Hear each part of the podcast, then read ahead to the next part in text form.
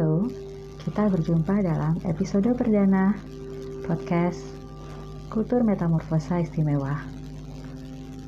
Saat ini kita berada dalam situasi di mana seluruh keluarga lebih banyak melakukan aktivitas di rumah, termasuk anak-anak dengan proses belajar dari rumah.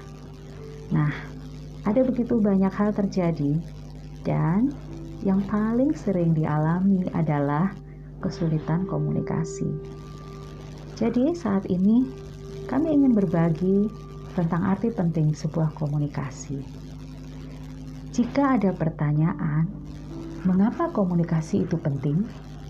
Maka, jawaban yang umum diberikan adalah komunikasi penting untuk saling mengerti, atau komunikasi menyebabkan kita berada di jalur yang sama bisa juga komunikasi memberi perasaan dicintai dan berharga bagi banyak orang.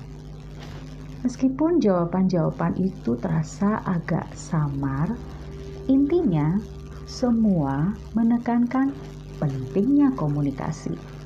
Para peneliti menyatakan bahwa dalam hal luar biasa, orang kehilangan komunikasi seperti halnya orang yang dianggap punya gangguan mental, dikurung sendirian. Dalam hal yang kurang ekstrim, orang yang terkurung di rumah karena sakit atau sedang dalam keadaan sulit akan berakhir dengan menutup diri.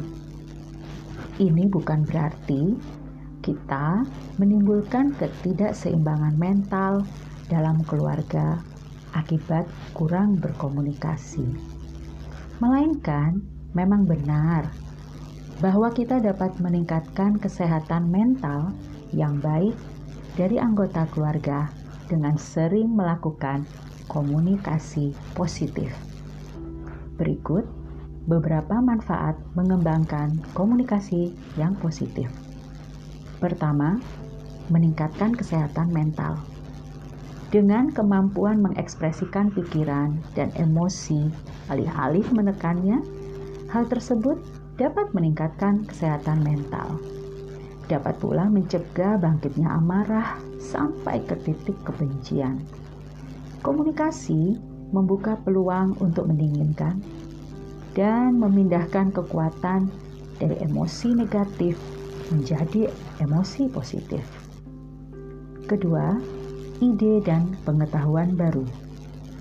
Ada potensi berbagi gagasan dan pikiran untuk melihat berbagai hal dari perspektif yang berbeda, dan karena itu mendukung interaksi positif dengan orang lain.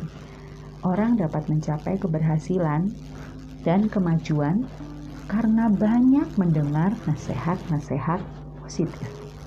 Ketiga, meningkatkan rasa percaya diri.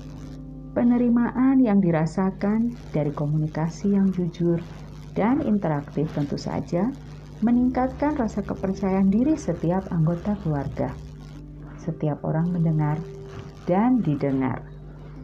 Cinta bukan hanya diucapkan dengan kata-kata, tetapi penghargaan dan penerimaan terhadap seseorang dapat dirasakan. Perasaan percaya diri yang mantap menghasilkan kesehatan mental dan emosional yang kondusif. Artikel ini diterbitkan oleh Kandi yang merupakan salah satu founder dan penanggung jawab kurikulum serta human relation dari Kultur Metamorfosa Indonesia. Anda dapat juga membaca artikel ini melalui sahabatkeluarga.kemdikbud.go.id.